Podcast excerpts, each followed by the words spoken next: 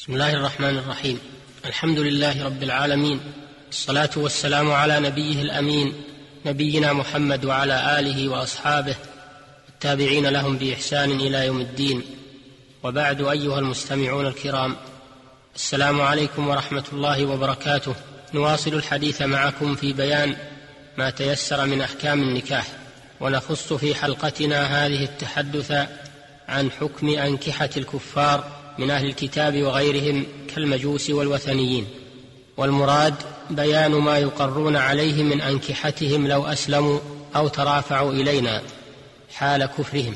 فنكاح الكفار حكمه حكم نكاح المسلمين في الصحة ووقوع الطلاق والظهار والإيلاء ووجوب النفقة والقسم وغير ذلك.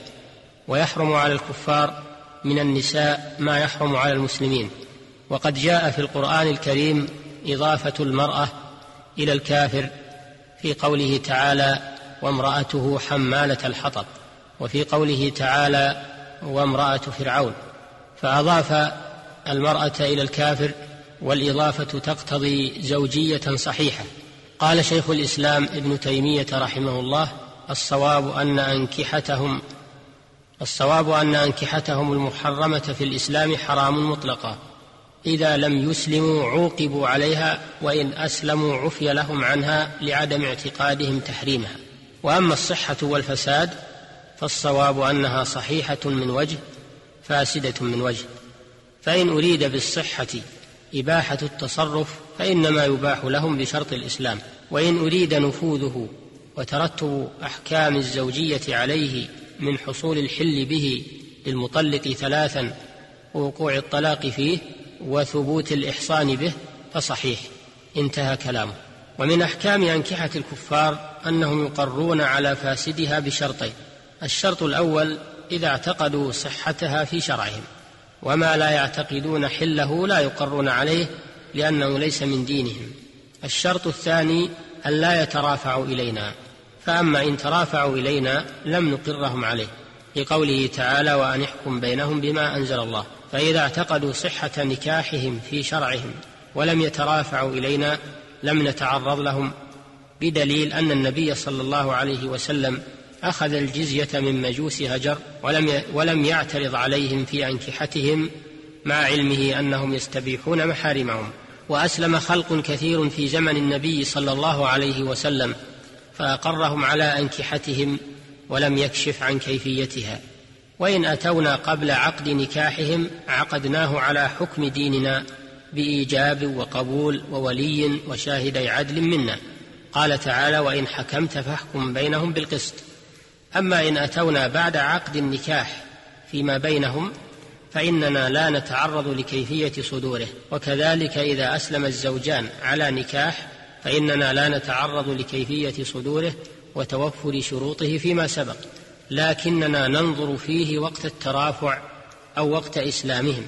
فإن كانت الزوجة تباح في هذا الوقت لعدم الموانع الشرعية فيها أقر على نكاحهما لأن ابتداء النكاح حينئذ لا مانع منه فلا مانع من استدامته.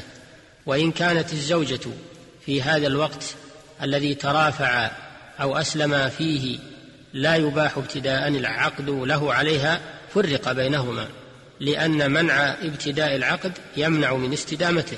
وإذا كان المهر الذي سمي لها في حال الكفر صحيحا أخذته لأنه وجب بالعقد ولا مانع من استيفائها له. وإن كان فاسدا كالخمر والخنزير فإن كانت قبضته فقد استقر وليس لها غيره لأنها قبضته بحكم الشرك فبرئت ذمة من هو عليه منه. ولأن في التعرض له مشقة وتنفيرا عن الإسلام فيعفى عنه كما عفي عن غيره من الأعمال الكفرية. وإن لم تكن قد قبضت المهر الفاسد فإنه يفرض لها حينئذ مهر المثل. وإن كانت قد قبضت بعض المهر الفاسد ولم تقبض بقيته فإنه يجب لها قسط الباقي من مهر المثل. وإن لم يسمى لها مهر أصلا فإنه يفرض لها مهر المثل لخلو النكاح من تسمية المهر. وإذا أسلم الزوجان معا بأن تلفظا بالإسلام دفعة واحدة فإنهما يبقيان على نكاحهما لأنه لم يوجد منهما اختلاف دين. وإن أسلم زوج كتابية ولم تسلم هي بقيا على نكاحهما لأن المسلم له أن يتزوج الكتابية ابتداء فاستدامته لنكاحها من باب أولى. وإن أسلمت كافرة تحت كافر قبل الدخول بطل النكاح. لقوله تعالى فلا ترجعوهن إلى الكفار لا هن حل لهم ولا هم يحلون لهن وليس لها شيء من المهر لمجيء الفرقة من قبلها وإن أسلم زوج غير كتابية قبل الدخول بطل النكاح لقوله تعالى ولا تمسكوا بعصم الكوافر وعليه نصف المهر لمجيء الفرقة من قبله وإن أسلم أحد الزوجين غير الكتابيين أو أسلمت كافرة تحت كافر بعد الدخول وقف الأمر على انقضاء العدة فإن أسلم الآخر فيها دام النكاح وإن لم يسلم فيها تبين أن النكاح قد انفسخ منذ أسلم الأول. ومن أسلم وتحته أكثر من أربع وأسلمنا أو كن كتابيات اختار منهن أربعة لأن قيس بن الحارث أسلم وتحته ثمان نسوة فقال له النبي صلى الله عليه وسلم اختر منهن أربعة وقاله أيضا لغيره. والله أعلم. وإلى الحلقة القادمة بإذن الله تعالى. والحمد لله رب العالمين. وصلى الله وسلم على نبينا محمد وآله وصحبه.